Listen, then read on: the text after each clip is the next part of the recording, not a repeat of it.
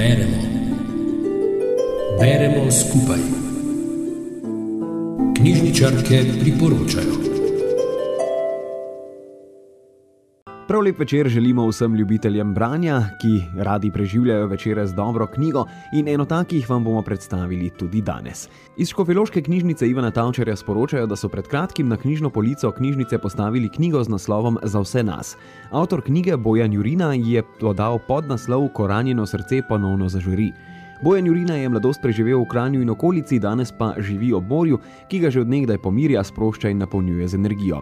Kot mlad fant je takoj po fakulteti nastopil službo in hitro napredoval. Imel je trden načrt, kako bo potekalo njegovo življenje.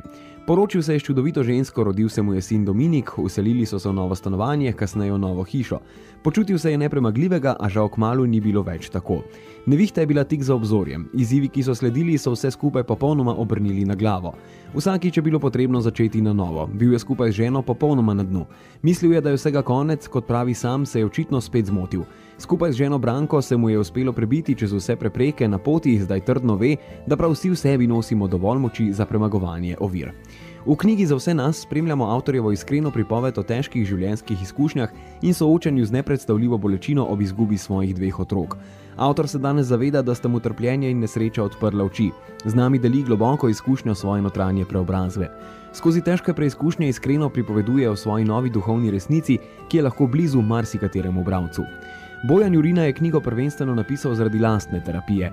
Leta in leta so v njem ostajale žalostne zgodbe o izgubi in ga tiščale. Življenje se ga je dotaknilo pri bolezni, smrti otrok, očeta, mame in sestre, na preizkušnji je bil partnerski odnos, izgubil je premoženje, vero. Pomembno mu je tudi, da zgodba njegove družine ne bo pozabljena, zato je knjiga ugledala svet. Preizkušnje nas vedno znova postavljajo pred izziv, kako naprej. Knjiga prinaša iskanje nove poti, poti, kako se znajti v tistih nemogočih, težkih okoliščinah. Te poti so različne: vera, resnica, trpljenje, samo pomilovanje. Vsak si išče in izbere pot, ki ga notranje dviguje, mu prinaša odrešenje. Običajno je prava pot blizu nas, vendar se je za hojo po njej potrebno vedno znova truditi. Avtorju je uspelo najti pot, da je zmogel nadaljevati življenje polno ljubezni in hvaležnosti. Pravi, da mu pomaga, da je sprejel dejstvo glede življenja. Življenje je izključno dobronamerno in seveda nič manj kot izjemno darilo. Preprosto prepričati se je moral, da je tako, in potem je ranjeno srce lahko ponovno zažarelo. Nič ni težjega, kot zares spremeniti sebe. Ne le govoriti, da si se spremenil, ampak temeljito spremeniti izkušnjo svojega dojemanja. Z izjemnim pogumom, ustrajnostjo in močno vero sem počasi, uro za uro, dan za dnem, mesec za mesecem, prepričeval svoje bitje, da sprejme novo resničnost. In za čuda so se občutki začeli vračati. Kljub temu, da sem izgubil skoraj vse, kar mi je bilo najdražje, in da sem imel pre nekateri dan v žepu samo en evro, sem se nekako začel počutiti bolj živ. Nič se ni spremenilo, a vse je bilo tako zelo drugače.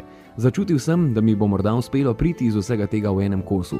Ustrajanje v pozitivnem razmišljanju nam lahko pomaga spremeniti izkušnjo preteklih dogodkov in ustvari potreben zagon nove energije, ki ustvarja prihodnje dogodke. Nič ni zares pomembnejše od tega, kako dojemamo življenje. Knjigo za vse nas je za nas prebrala Romana Hafnar iz knjižnice Ivana Tavčarja Škofja Loka. Rubrika Beremo skupaj nastaja v sodelovanju z Radijem Sora.